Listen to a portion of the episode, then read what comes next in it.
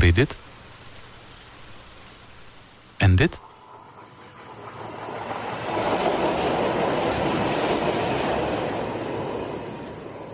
En wat vind je hiervan?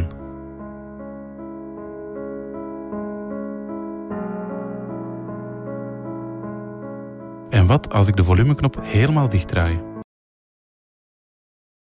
Hoor je nu nog iets? Ik weet niet hoe het bij jou is, maar ik hoor altijd nog wel iets. Er is altijd nog wel geluid op de achtergrond. Maar hoe is het om in complete stilte te leven? Ik ben Niels en ik heb me die vraag nooit gesteld. Tot zeven jaar geleden, toen ik mijn vrouw leerde kennen. Niels, mijn man, wist heel snel dat mijn broer en mijn zus doof waren. Dat was ook, ik kan me inbeelden dat dat wel even slikken is als je dat niet gewoon bent. Even slikken, ja. Misschien wel, maar dat is nooit een probleem geweest voor mij. Integendeel. Ik vond het een heel normaal gezin waar iedereen zichzelf kon zijn. De doofheid kwam pas afgelopen jaar echt op de voorgrond, toen mijn vrouw en ik aan kinderen wilden beginnen. Maar ik had hem wel altijd gezegd, bon, ik weet van mezelf dat ik drager ben. Dus als we ooit aan kinderen beginnen, wil ik van u ook weten of jij drager zijt.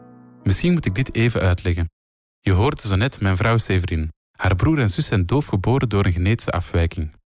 Severin hoort wel, maar is blijkbaar drager van de genmutatie die doofheid veroorzaakt.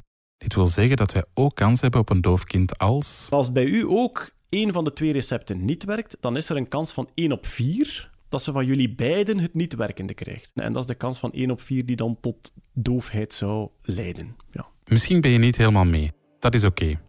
Straks ga ik met lieve schijren dieper in op genetica. Wat je nu vooral moet onthouden is dat mijn vrouw en ik niet zomaar aan kinderen willen beginnen, maar dat we er eerst goed willen over nadenken, want de kans bestaat dat ze doof geboren worden. Je luistert naar de podcast Mijn DNA achterna, waarin ik onderzoek of ik ook net als mijn vrouw drager ben van de genmutatie die doofheid veroorzaakt. Ondertussen verdiep ik me in de wereld van de doven en de dovengemeenschap. Hoe is het om doof te zijn en je leven in stilte door te brengen? Aflevering 1. Claudine. Toen ik uh, zijn luier lostrok, normaal gezien baby's schrikken van de eerste twee, drie dagen toch van geluiden dat ze niet kennen. En die bleef daar roerloos stil liggen. Zijn zus verjaarde dan achter zijn relax. Ballonnen kapot geprikt en die reageerden daar niet op. Dat was ook al nadat ik een paar keer gemerkt heb dat toen in zijn park lag. En ik kwam erbij dat hij altijd schrok. Dit is Claudine, mijn schoonmoeder. Ze werd van de ene op de andere dag met doofheid geconfronteerd toen haar zoon Christophe 28 jaar geleden doof geboren werd. Claudine en haar man hadden op dat moment al een dochter van twee, Severin. Zij was wel met een perfect gehoor geboren en groeide op met haar dove broer Christophe. Ik heb dat nooit as such, denk ik, als een ding gezien. Dat was gewoon hoe dat de dingen zaten. Dat was, ja, als, als kind stond ik daar niet langer bij stil dan bijna, bij wijze van spreken, broers zijn doof en kindjes in de klas niet. Dat is gek om te zeggen, maar dat is nooit een ding geweest. Dat was zo. Dat was Christophe. Die was zot, die deed veel onnozel, die maakte gemakkelijk iets kapot en die was ook doof. Acht jaar na de geboorte van Christophe bevalt Claudine van haar derde kind. Een dochter, Anne-Sophie. Ik heb ook gans die nacht wakker gelegen, gewoon van adrenaline dat door je lichaam gaat. En de dag nadien zo van, zou ze niet horen, zou ze niet horen. De man ook zo van, mhm, na twee dagen, hm, ik denk niet dat ze hoort. Ik denk het niet. Ook Anne-Sophie bleek bij de geboorte doof. Claudine en haar man hebben dus drie kinderen. Severin die hoort, en Christophe en Anne-Sophie, die allebei doof geboren zijn. Dus twee van hun drie kinderen zijn doof. En het vreemde was dat nergens in de familie doofheid voorkwam. Daar zijn heel veel tranen over gevloeid en we gezegd waarom wij terug. Want wij wisten toen nog niet de oorzaak van onze doofheid. Claudine en Francis stonden voor een raadsel. En ook dokters hadden er geen verklaring voor. Toen mijn broer geboren werd, uh, hebben ze eigenlijk gewoon tegen mijn ouders gezegd: ja, slecht lotje. Pech. Dat is toch een harde boodschap. Want ja, eigenlijk ben je daar niets mee. Het maakt de onmacht alleen maar groter. Pas acht jaar later, in 2002, bij de geboorte van Anne-Sophie, hun tweede dove kind, kwam er een sluitend antwoord. En toen kwam de professor bij mij en zegt van mevrouw, zegt hem, mogen wij ook bloedafname doen, zegt hem, want we hebben een nieuw gen ontdekt dat doofheid kan veroorzaken. Het bleek dus te gaan om een genetische afwijking. Daar konden Claudine en Francis nog altijd niets aan veranderen. Maar ze hadden nu tenminste een antwoord, een oorzaak. Blijkbaar moet ik het van een van mijn ouders gekregen hebben. Heeft mijn man het van een van zijn ouders gekregen. Voor mijn schoonouders was dat wel... Amai, dat is dus wel ons fout, hè. Dat ik toen gezegd, maar nee, dat is niemand zijn fout. Ik zeg, dat is gewoon genetica. Ik bedoel, we hebben drie kinderen, er zijn er twee van doof. Daar kunnen wij niks aan doen. Dat is niet jullie fout. Dat is gewoon iets dat doorgegeven is. Dat is een lot uit de loterij. Hè. Oh nee. En hier start dus mijn verhaal. Welk lotje trekken mijn vrouw en ik als wij aan kinderen beginnen? Want dat we kinderen wilden, dat stond buiten kijf. Dat heeft Severin me vrij snel duidelijk gemaakt. Ben ik op een gegeven moment, waren ehm, in onze oude school ehm, op het café. Hij stond buiten op het terras iets te drinken. En ik zat binnen mijn vriendin iets te drinken. En dat ging over kinderen met die vriendin. En ik dacht ineens, oh oh, nu moet ik het wel weten. Hè. Ik heb die op zijn schouder getikt. Die heeft zich omgedraaid. Ik heb gezegd, jij wilt toch kinderen, hè? En hij heeft naar mij gekeken. Uh, ja. En heeft letterlijk geantwoord, nu toch niet. Ik zeg, nee, nee, op een dag. Ja, ja, op een dag. Ik zeg, dat is goed, draai die maar terug om. En ik ben naar binnen gegaan.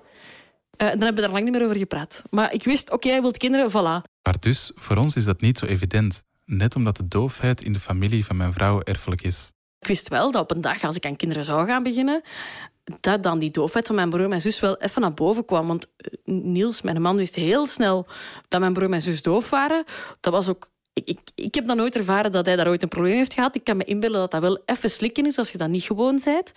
Um, maar ik had hem wel altijd gezegd, ik weet van mezelf dat ik drager ben. Dus als we ooit aan kinderen beginnen, wil ik van u ook weten of jij drager bent. Ik herinner me nog dat Severin vertelde dat haar broer en zus doof zijn. En inderdaad, ik heb het nooit als een probleem ervaren. Ook als we een doof kind zouden hebben, dan zou het voor ons niet onoverkomelijk zijn. Maar we willen wel weten of de kans bestaat. En dus besliste ik om een DNA-test te laten doen. Goedemorgen, onze lieve vrouw ziekenhuis Assen. Ja, goeiedag. U spreekt met Niels de Vos. Uh, ik bel voor een afspraak voor een bloedafname voor een DNA-test. En uh, bent u doorverwezen? Uh, ik ben gestuurd door uh, dokter Van Berkel. Oké, okay, en het gaat over een bloedafname? Ja, het zou voor een bloedafname zijn. lukt dat voor u op 8 februari? Oké, okay, 8 februari, ja. Uh, ik heb nog een plaats om 10 uur en om uh, eh, 14 uur. Ja, dat past. Om 10 uur. Ja. En ik mag mij dan gewoon 8 februari, 10 uur. Ja, het is genoteerd. Ja, okay. Ik merk wel hoe dichter dat die datum komt, hoe meer Severin en ik erover praten. Over kinderen, over de test, maar vooral over wat als ik trager zou zijn. Hoe zouden we daarmee omgaan? En zou dat voor ons iets veranderen? Moesten we nu morgen een accidentje hebben en Niels blijkt achteraf drager te zijn, bijvoorbeeld. Ja, natuurlijk zie dat kind graag. En, allee, je gaat er dan voor en, en, en dan, dan ken ik mijn weg en dan kennen we onze weg en dan weten we naar waar. En... Severin kende haar weg, omdat ze was opgegroeid met een dove broer en zus. Maar voor haar ouders, Claudine en Francis, was dat destijds anders. Toen hun dove zoon Christophe geboren werd, was het een donderslag bij heldere hemel. Een donderslag die in eerste instantie niemand wilde horen. We hebben naar een dokter gebeld in Tuzet. Maar ja, moest dan nog, ik weet niet hoe lang, wachten voor een afspraak. En toen, toen we daar kwamen, toen zei hij wel van... Ja, mevrouw, maar je zou eens moeten weten hoeveel onrustende moeders dat ik hier krijg dat een kind niet hoort. Maar toen zei ik van, als jij een ballon kapot prikt en daar komt geen reactie op, dat is toch gek? Want ze hadden ook de testen op kind en gezin al gedaan en, en de dokter had ook al gezegd van... Ja, misschien, misschien wel, misschien niet. Allee, zo die onzekerheid. Onze kinderen hadden ook al gezegd, zo gezond kind, goed gewicht en zo. Ik denk niet dat je zorgen moet maken. Maar toen bij de neuskeloorarts... Ah ja, mevrouw, kijk, we zullen eens kijken dat er geen vocht achter zijn oren zit. Gelukkig staat er op dat moment geen vocht achter zijn oren. Dan kunt je mij een week of drie eens terugkomen. En dan heb ik gezegd, zeg, pardon?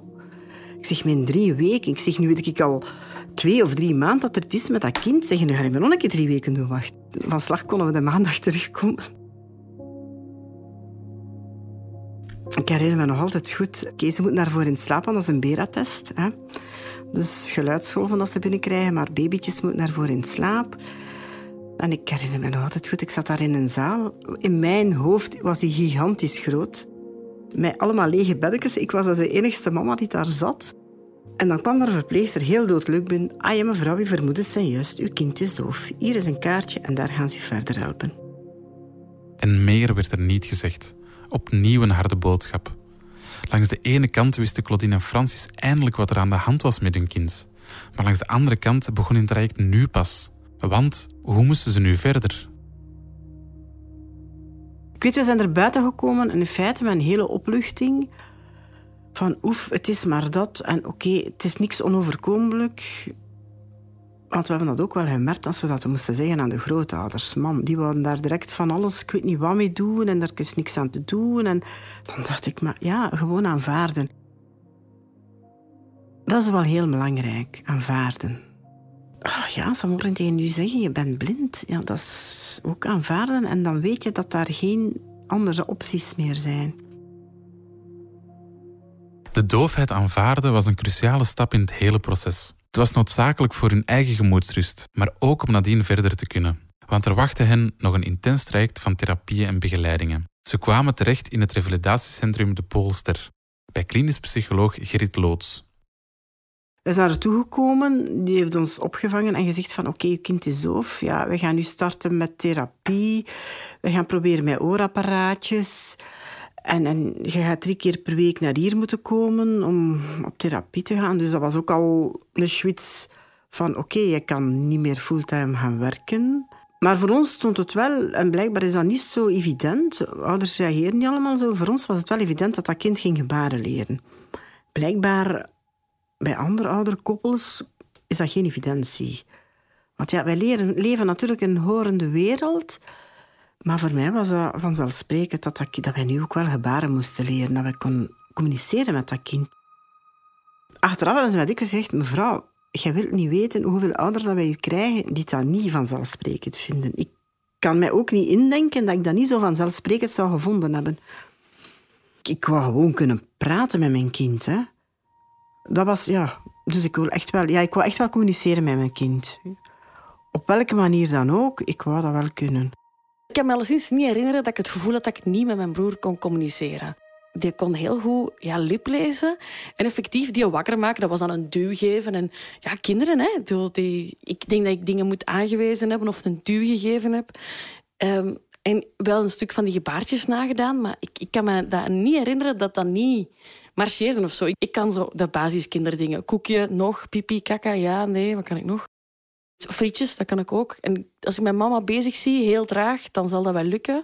Omdat zo, wij wel wat huisgebaartjes hadden. Eh, heel stom, mijn broer die drinkt super graag fristie. En dan uh, was dat zo het, het, gebaartje van met je vinger over je lip, je onderlip wrijven. Dat is eigenlijk de kleur rood, maar fristie is rood. Dus voor een kind van een jaar is dat fristie. Ik functioneer niet zo goed in gebarentaal daarbuiten of zo. Ik kan zo vriendelijk zwaaien en aangeven, hey, mijn broer en mijn zus zijn ook doof. Fijne dag nog, maar daar stopt het. Ik weet niet hoe het voor jou voelt, maar als ik mijn schoonmoeder hoor of Severin, dan is dat toch een ander verhaal. Voor mijn schoonouders was het een proces van aanvaarden en zoeken, met vallen en opstaan. Terwijl het voor Severin de normaalste zaak ter wereld is. Ja, ik vind het altijd heel raar als mensen aan mij vragen hoe is dat om een dove broer of zus te hebben. Dat is super raar. Dat is ik vragen hoe is dat om een rosse broer of zus te hebben. Voor mij is dat eigenlijk echt hetzelfde. Omdat ik, ik weet niet beter dat die doof zijn. Ik vind dat ook super normaal. Ik, ik heb me ook nog nooit de vraag gesteld hoe dat mijn leven zou zijn moesten die, moesten die horen. Want dat doet er eigenlijk ook niet toe. Ik denk dat zij zich die vraag wel soms en terecht ook zullen gesteld hebben. Maar voor mij, dat verandert, dat verandert niks. Als ik mijn broer en mijn zus uh, aan mensen voorstel, dan zeg ik gewoon, dat zijn Christophe en dan Sophie. Um, en dan ga ik daar nooit bij zeggen dat die doof zijn. Als kind deed ik dat wel in, in vooral opnieuw in het functie van ervoor zorgen dat zij alles gehoord hadden. Als wij naar een museum gingen bijvoorbeeld ehm, en er was een gids, dan ging ik altijd mijn mama en papa uiteraard ook. Maar als die er dan niet bij waren, ging ik er altijd wel op letten dat die van voor stond. ging dat wel zeggen, die zijn doof. Dus ziet dat die u kunnen zien spreken. Maar nu zijn dat volwassen mensen. Dat zou een beetje raar en gênant zijn. Ik ga het nu echt op een fles trekken. Maar dat zou hetzelfde zijn als ik zou zeggen... Dit is Hans, mijn broer is homo. Ik weet inderdaad nog, toen ik de eerste keer bij Severin thuis kwam, dat die doofheid weinig verschil maakte. Het bolde daar zoals in elk ander gezin. Het was zelfs een warm, levendig en open nest waar ik mij enorm welkom voelde. Wat me wel opviel, en dat had ik helemaal niet verwacht, was dat er allemaal zo luid was. Ik dacht net dat er stilder ging zijn dan in een doorsnee gezin. Maar het tegendeel was waar. Je hebt dat zelf niet door, want je groeit daarin op. Uh, dat gaat van heel eenvoudig tot s'avonds, tien uur s'avonds, je stofzuiger pakken en je huis stofzuigen. Tot totaal niet bezig zijn met luide dingen die in je huis afgaan, omdat Als Vinkerstof waren er ofwel niet mee bezig, ofwel sliepen ze en dan had die er ook geen last van. Maar ook aan tafel zijn wij blijkbaar nogal een luid gezin. Ik wist dat niet tot ik een lief had die naar huis kwam en dan toch na twee, drie maanden tegen mij durfde zeggen zeg, jullie eten wel heel luid, hè? Ja, je staat er niet bij stil, omdat alles een beetje luider bij hun. Dat zo, ja, een vaat was leeghalen, een bord op tafel zetten. En dan zijn wij nog relatief stil. Ik weet, als je met echte doven die niks horen... Ja, wat maakt die dan nu uit dat je... Wat maakt hun dat uit? Die horen dat toch niet. Ik denk dat dat wel iets... Ik, ik weet niet wat dat per se een voordeel is, maar... Ja, wij zijn wel in een soort... Ik denk in een heel assertief gezin daardoor opgegroeid. In een doof gezin mag je ongegeneerd luid zijn. En daar sta je als horende persoon niet altijd bij stil. Nog een hele grappige anekdote is mijn schoonouders, we, moesten, we waren weg en ze kwamen op een avond baby's zitten. En wij kwamen terug. En dat was pikken donker bij ons en muisstil. En die waren tv aan het kijken, maar die hadden het geluid afgezet. En, waarom, waarom kijken jullie tv zonder geluid? En ja, maar dan Sofie gaat wakker worden. Hè. Ah ja, maar die hadden dus een hele avond naar tv gekeken zonder geluid. Trouwens, nu we het hebben over tv kijken, dat is niet zo evident voor iemand die doof is. Want ze hebben enkel beeld, geen klank. Om te kunnen volgen hebben ze ondertitels nodig. Wat ik wel, wel jammer vond of zo, als, als kind is... Wij gingen dan af en toe eens naar de cinema, want mama gaat heel graag naar de bioscoop. Ehm, en dan wilde je eh, de, de, de lokale films steunen, maar dat ging eigenlijk voor ons niet. Heel eenvoudig, omdat die niet ondertiteld waren. Dus wij gingen altijd naar Engelstalige films kijken, van zodra Vinkerstof konden lezen, omdat ze dan met de film mee waren.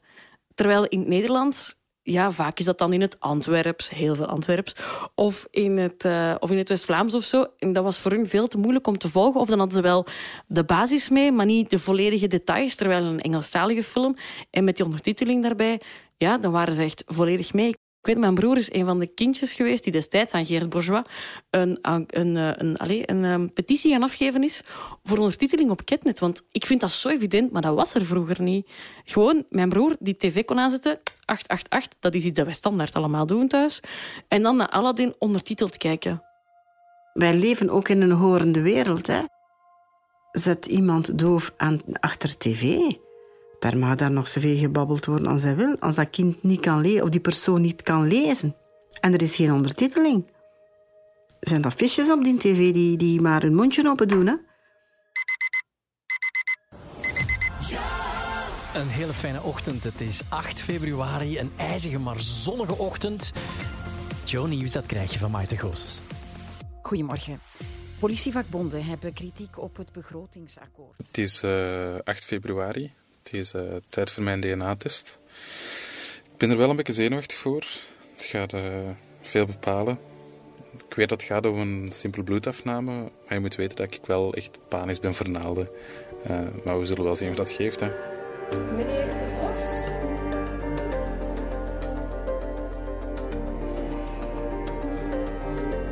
Voilà, het is al gebeurd. Dat viel goed mee, hè. Ik, uh, ik ga dat dan doorsturen naar het labo. En heb je enig idee wanneer ik er iets van ga weten? Ja, dat is toch uh, zes maanden. Ja, ik moet toch een half jaar rekenen. Ik heb het overleefd. Het waren maar twee buisjes bloed. Plezant was anders, maar het was voor het goede doel. Maar toen ze zei dat ik een half jaar moest wachten op resultaat, schrok ik toch heel even. Dat zijn twee seizoenen. Dat is een volledig semester, bijna een volledige zwangerschap. En dat betekent voor ons ook een half jaar langer wachten voor leren dat we aan kinderen kunnen beginnen. Ik moet ook toegeven dat ik eigenlijk niet meer zo goed weet wat DNA precies is. Of een gen. Of laat staan een genmutatie. Dat is geleden van mijn lessen biologie in het middelbaar. Ik heb iemand nodig die het me nog eens helder kan uitleggen. Showtime dan. Lieve Scheire toert door Vlaanderen met een DNA-show en een boek DNA. Hoe de menselijke genetica ook jouw leven zal veranderen. Collega is vorige zondag... En je hebt het in het begin van deze podcast al gehoord. Ik klopte aan bij Lieve Scheire. DNA is eigenlijk de code die opgeslagen zit in ons lichaam, die heel veel van ons lichaam bestuurt.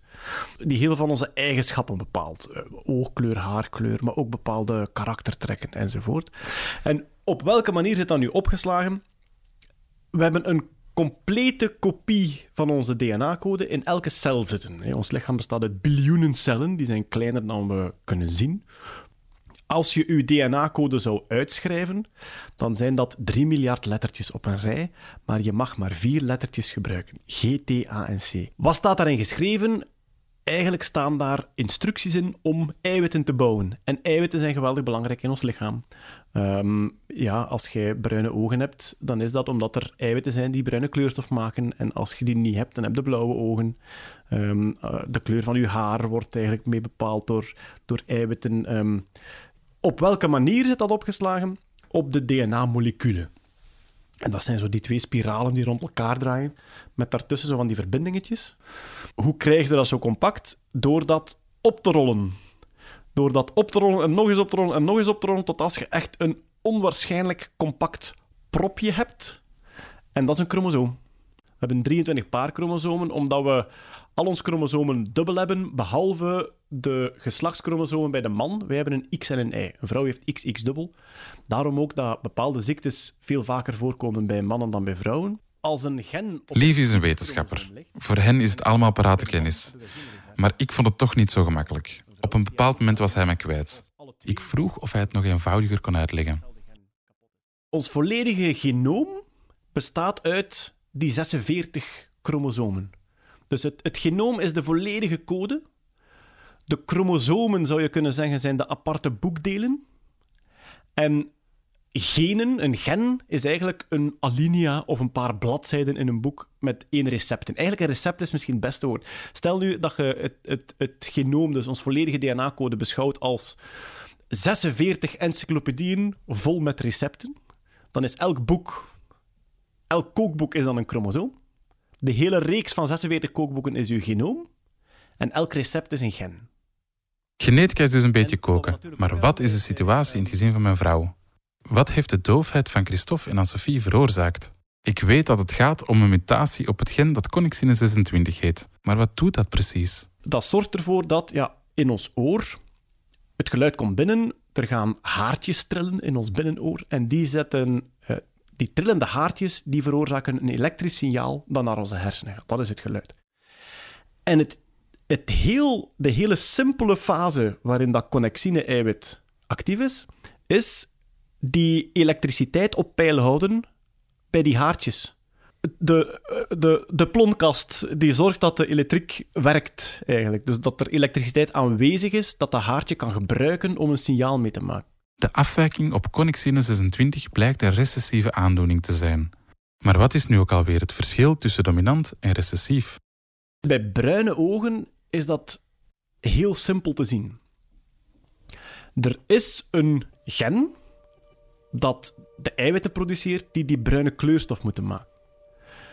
Je ziet onmiddellijk, je hebt dat recept dubbel. Hè? Je hebt twee chromosomen, dus het recept voor die bruine kleurstof in je ogen heb je op allebei die chromosomen zitten.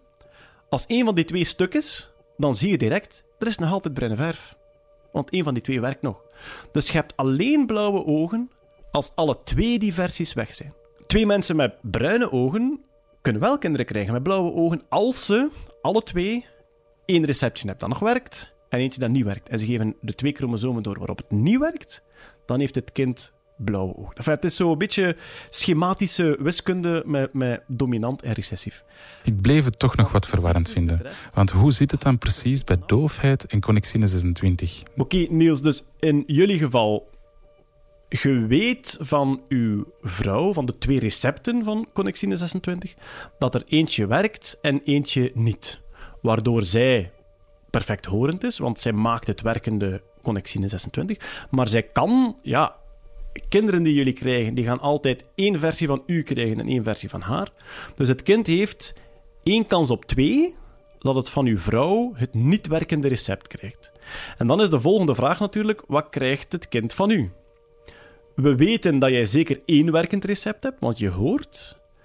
Er is nog een kans dat jij een werkend en een niet werkend recept. Als ze bij u alle twee werkende recepten, is er geen enkel probleem. Want dan krijgt uw kind altijd eentje dat werkt van u en van uw vrouw, ofwel het werken of het niet werken, dat maakt niet uit.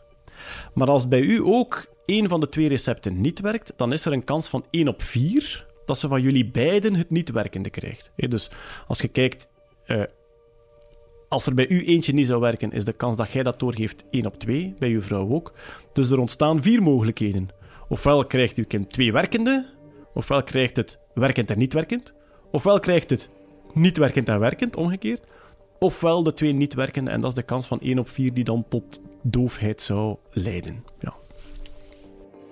Oké, als je toch nog een beetje hoort donderen in Keulen, geen probleem. Voor mij was het ook zo. De essentie is, als uit de DNA-test zou blijken dat ik ook drager ben van de mutatie op connexine 26, dan hebben mijn vrouw en ik één kans op vier op een doof kind. Voor Claudine en Francis liep het anders. Twee van hun drie kinderen zijn doof. Maar dat is voor hen niet het einde van de wereld. Je kan zo mensen hebben die van een mug een olifant maken.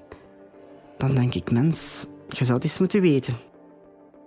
Al, ik kan nogal gemakkelijk relativeren als het de moeite niet is om... Ik heb dat ook geleerd met de tijd, hè, met de leeftijd. Hè. Uh, als het de moeite is om daar in discussie over te gaan, of... Ja, dan laat ik het, dan laat ik het varen. Ik bedoel... Ik relativeer dan nog met het feit van... Oké, het is maar doof.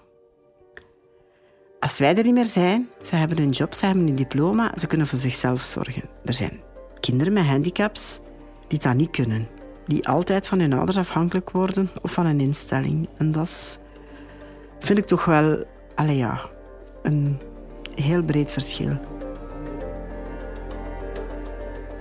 Maar hoe ziet je leven eruit als je zelf doof bent? Voor een zoon Christophe bijvoorbeeld. Zijn verhaal hoor je in de volgende aflevering. In het begin had ik het wel moeilijk. Um, dat klinkt misschien egoïstisch zo, maar, maar um, ik vroeg me toen af waarom ik doof was en niet iemand anders eigenlijk. Dit was de eerste aflevering van Mijn DNA Achterna, een podcast van Audionize voor VTM en Halen. Volg nu ook het tv-programma Ons DNA, elke donderdag bij VTM, met Frances Luffeburen en Lieven Schijren.